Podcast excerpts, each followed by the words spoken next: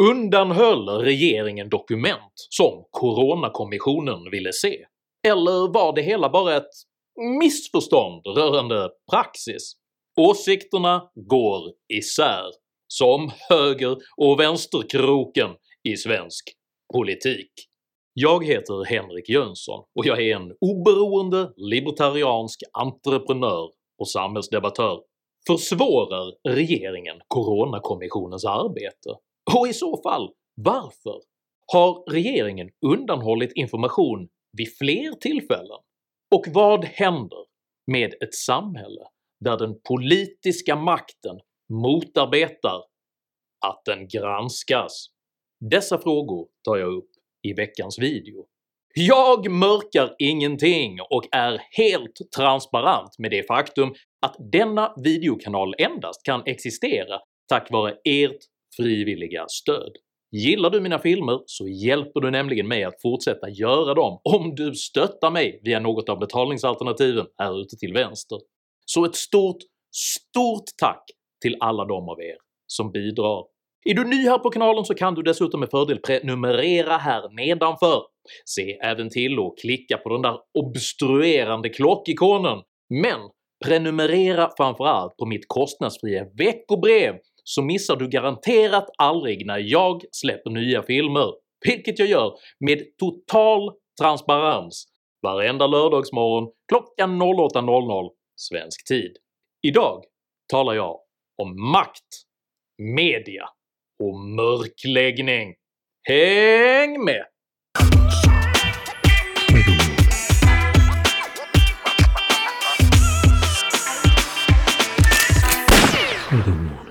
Watergate-skandalen är ett av historiens mest ökända mörkläggningsförsök och blev en så stor skamfläck för den amerikanska demokratin att suffixet “gate” idag används som symbol för alla möjliga sorters skandaler.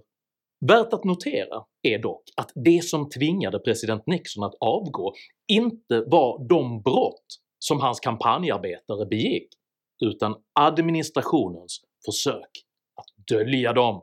Anledningen till detta är att den moderna representativa demokratin vilar på transparens så att medborgarna själva ska kunna se vad deras folkvalda representanter egentligen gör, så att ansvar kan utkrävas och missförhållanden stävjas. Det finns inga ursäkter för att försöka obstruera demokratins transparens.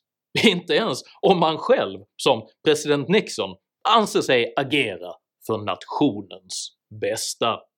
Well, when the president does it, that means that it is not illegal. Från politiskt håll är dock frestelsen att försöka undfly kritisk granskning mycket, mycket stor eftersom både karriär och makt är avhängig folkets stöd. Således finns det en betydande spänning mellan de som granskar makten och de som utövar makten. Under förra veckan publicerade Svenska Dagbladets ledarskribent Peter Wennblad en hel serie avslöjanden rörande pandemihanteringsinformation som regeringen och dess tjänstemän undanhållit coronakommissionen. Själva initiativet till en akut coronakommission togs av Sveriges oppositionspartier medan regeringen ansåg att en kommission endast borde tillsättas efter pandemins slut sannolikt först om många, många år när samtliga nu aktiva politiker sedan länge tryggt lämnat sina poster. Slutligen blev dock kritiken av den svenska krisstrategin så stor att regeringen under sommaren 2020 ändå tvingades tillsätta en utredning. Kommissionens uppgift blev att kritiskt granska och utvärdera den svenska pandemihanteringen, men av osjälvisk hänsyn till denna stora arbetsbörda var regeringen mycket, mycket noggrann med att kommissionens slutsatser inte skulle stressas fram utan presenteras först efter riksdagsvalet 2022. Detta flagranta försök till politisk styrning blev dock för mycket för både medier och riksdag och regeringen tvingades acceptera ett tidigare läggande av kommissionens slutsatser, vars arbete man nu istället alltså försöker försvåra. Regeringens huvudsakliga pandemihanteringsarbete har bedrivits inom en speciell arbetsgrupp kallad GSS, vilket är en förkortning för Gruppen för strategisk samordning. Regeringen hade en särskild grupp statssekreterare kallad GSS-gruppen som haft cirka 250 möten under pandemin. Kommissionen har velat veta mer vad som sagts där, men inte ens fått ut alla dagordningar. Coronakommissionen ställde två centrala frågor till ansvarig statssekreterare Elisabeth Backteman rörande GSS arbete. 1. Vi vill ta del av dagordningar, mötesprotokoll och mötesanteckningar, vilket besvarades med orden “Några mötesprotokoll eller mötesanteckningar från dessa möten finns inte”. Och 2. Ange tidpunkter för samtliga sammanträden under perioden i krishanteringsrådet. Vi vill även ta del av dagordningar, mötesprotokoll och mötesanteckningar samt vilka som var närvarande vid respektive möte, vilket ånyo besvarades med orden “Några mötesanteckningar i övrigt finns inte”. Påståendet att dessa dokument inte existerade försvarades nu mycket mycket ihärdigt av bland annat den socialdemokratiska tidningen Aftonbladets politiska chefredaktör Anders Lindberg, som inte bara menade att handlingarna inte fanns utan även att anspråken på att få se dem endast var ett försök att manipulera opinionen i valrörelsen.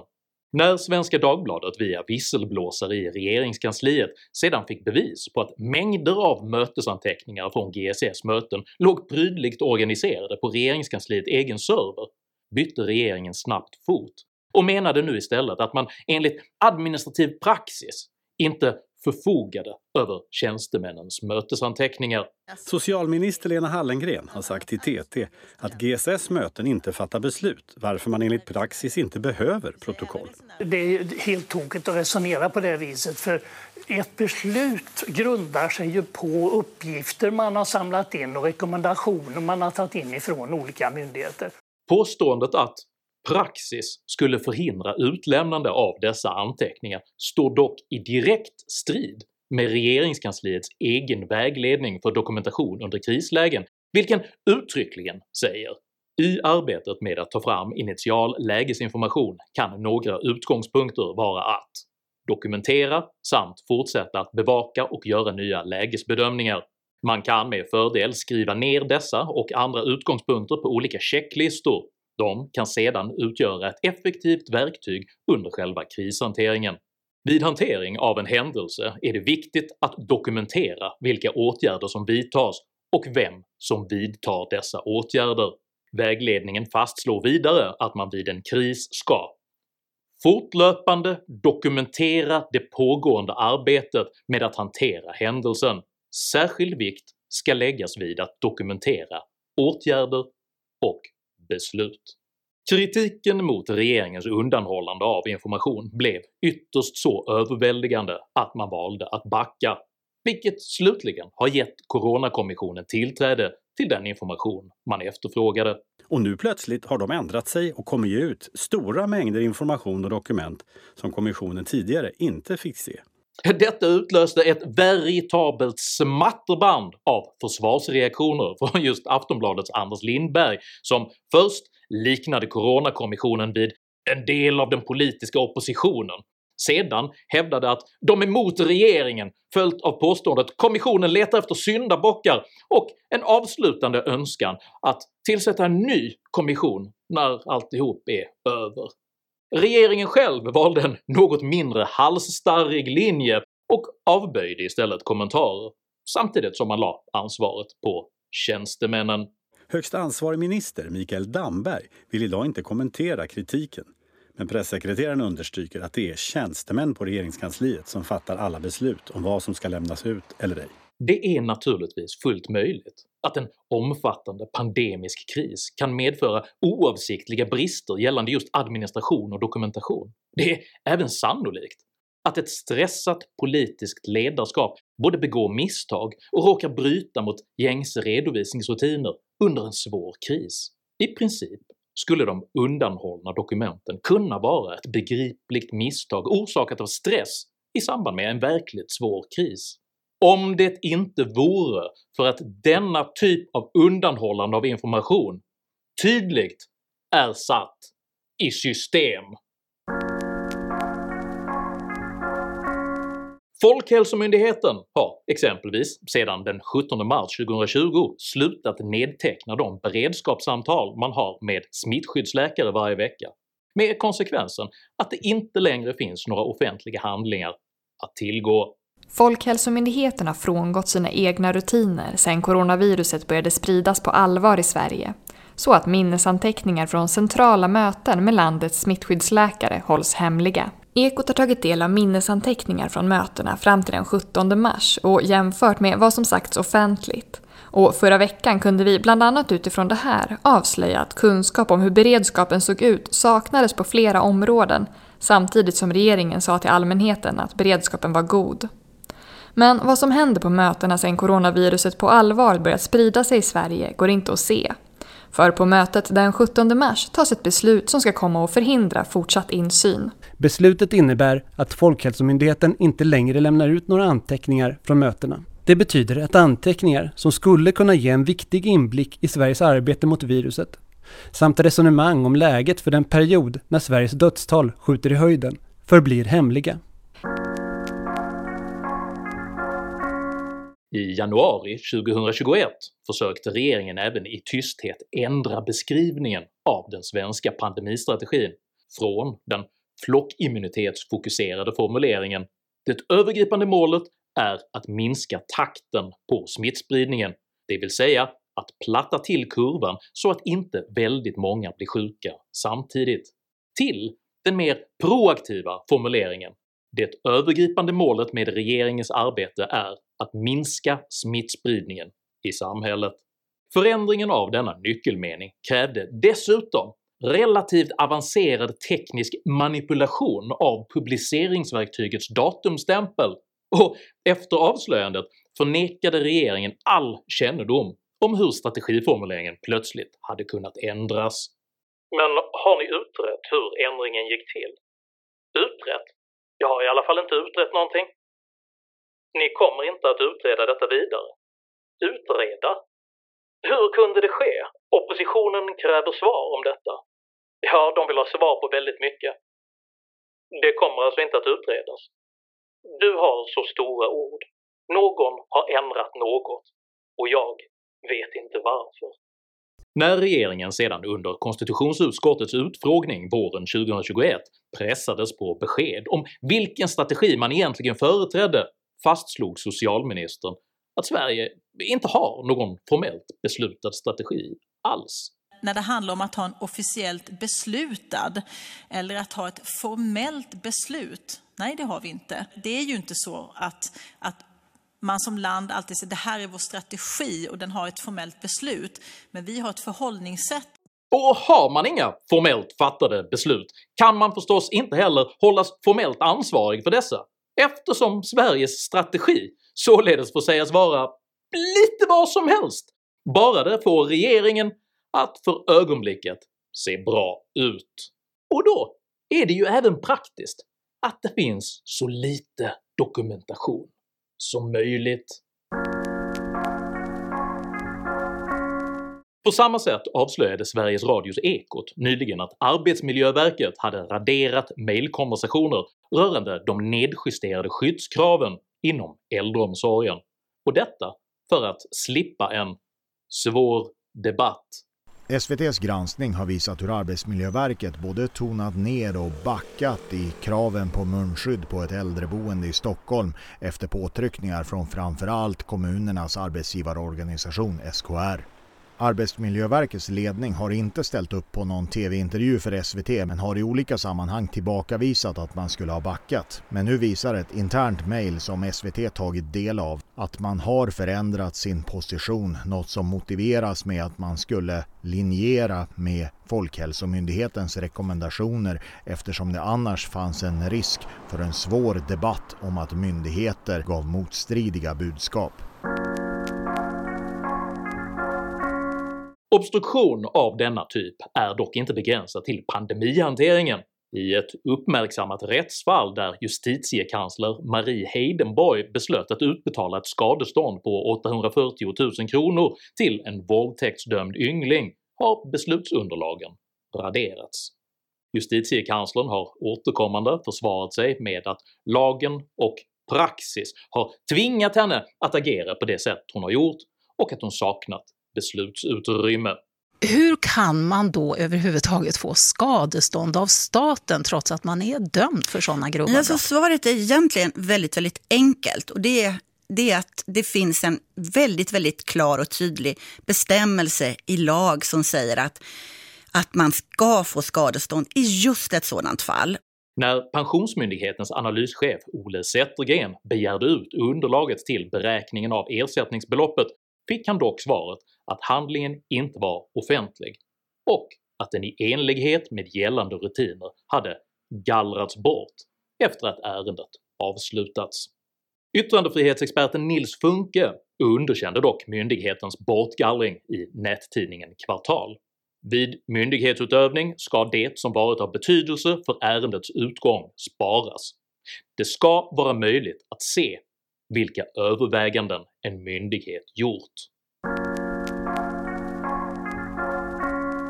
2018 avslöjades att regeringskansliet hade kritiserat Försäkringskassan för att man hade lämnat ut offentliga handlingar rörande en kontroversiell uppsägning som dåvarande socialförsäkringsminister Annika Strandhäll hade genomdrivit. Den nytillförordnade chefen för Försäkringskassan, Maria Hemström Hemmingsson, kommunicerade internt att regeringskansliet förvisso ansåg att Försäkringskassan naturligtvis får lov att göra som de vill, men tillfogade även en varning om att det kommer att få allvarliga konsekvenser för våra dialoger samtal och den information de är beredda att dela med oss, vilket hon beskrev som djupt olyckligt.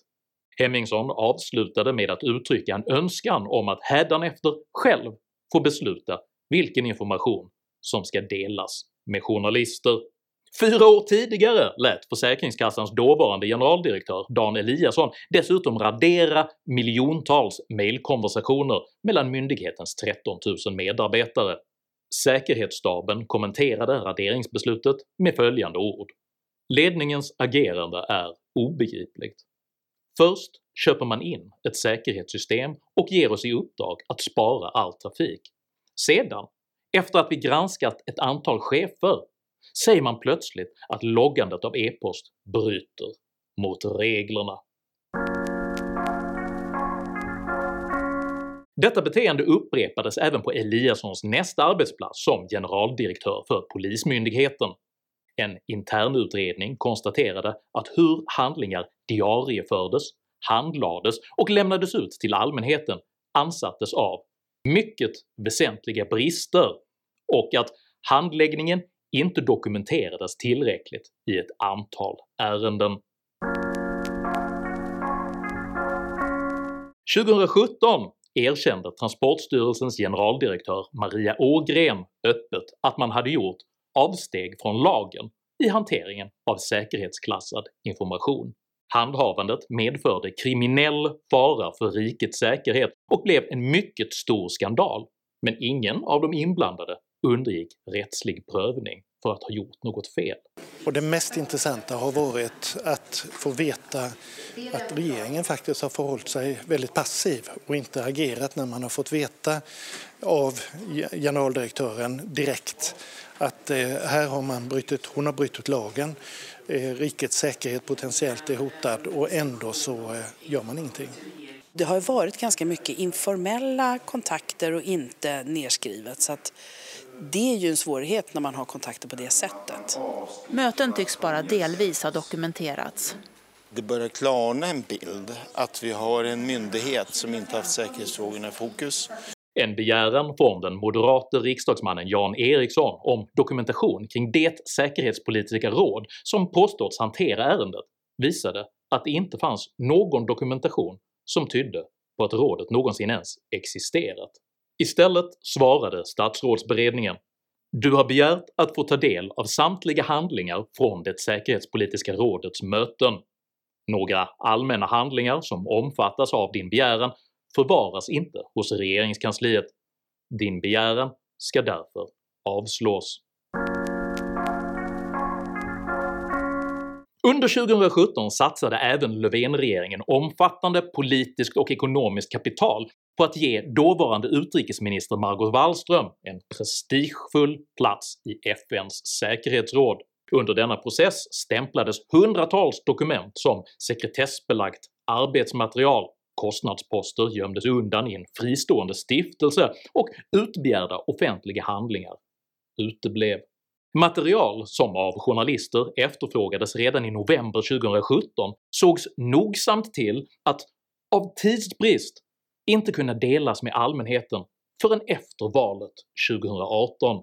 Justitieombudsmannen fällde omdömet med hänsyn till att utrikesdepartementet återkommande och under flera år brustit i hanteringen av framställningar om att få ta del av allmänna handlingar är det angeläget att följa upp det arbete som görs.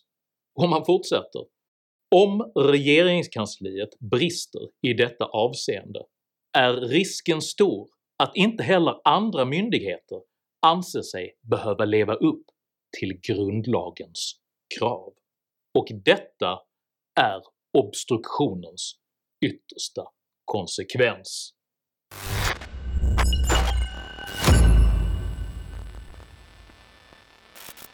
Det axplock av obstruktioner som jag redovisat i denna video visar entydigt att regeringen hanterar både transparens och offentlighetsprincip godtyckligt, reaktivt och ansvarslöst.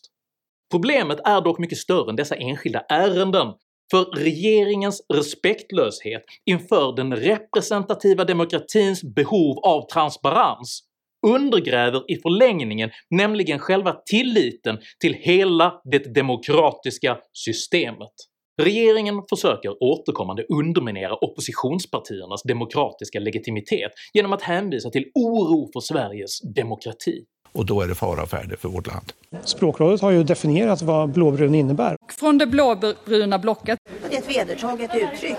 Då får man nog leva med att blåbrun blir en etikett. I själva verket framstår det allt tydligare att det enskilt största skälet till oro över den svenska demokratins tillstånd bör vara en socialdemokrati som uppenbart är beredd att både obstruera, fara med osanning och tumma på offentlighetsprincipen. För hotet mot demokratin står sällan att finna i förenklade externa fiendebilder som är knölpåkar, hat och våld förmodas kunna kullkasta demokratiernas egalitära friheter, utan utgörs snarare av en invärtes metastaserande cancer vilken steg för steg eroderar samhällsinstitutionernas funktionsduglighet och trovärdighet. För all denna obstruktion, allt detta hemlighetsmakeri och alla dessa lögner raserar gradvis det folkliga förtroendet för den svenska demokratin och dess förvaltning. Och detta är i sanning ett hot mot vår demokrati. Well, when the president does it, that means that it is not illegal. By definition. Exactly, exactly, exactly, Tycker du att det är viktigare att den representativa demokratins transparens försvaras men att socialdemokraterna till varje pris ska behålla makten? I så fall tycker jag att du ska dela den här videon med dina vänner. Och varför inte prenumerera på min YouTube-kanal när du ändå är i farten? Har du egna erfarenheter av obstruktion, osanningar eller redovisningsbrister? Dela i så fall gärna med dig av dina upplevelser i kommentarsfältet här nedanför. Jag uppskattar all respektfull kommunikation. Tänk dock på att alltid vara artig, även mot dina meningsmotståndare. Jag accepterar inte aggression, personpåhopp eller rasism i mina idédrivna kommentarsfält. Tack för att du som kommenterar respekterar detta. Jag heter Henrik Jönsson och jag försvarar transparens och bekämpar obstruktion. Tack för mig och tack för att ni har lyssnat.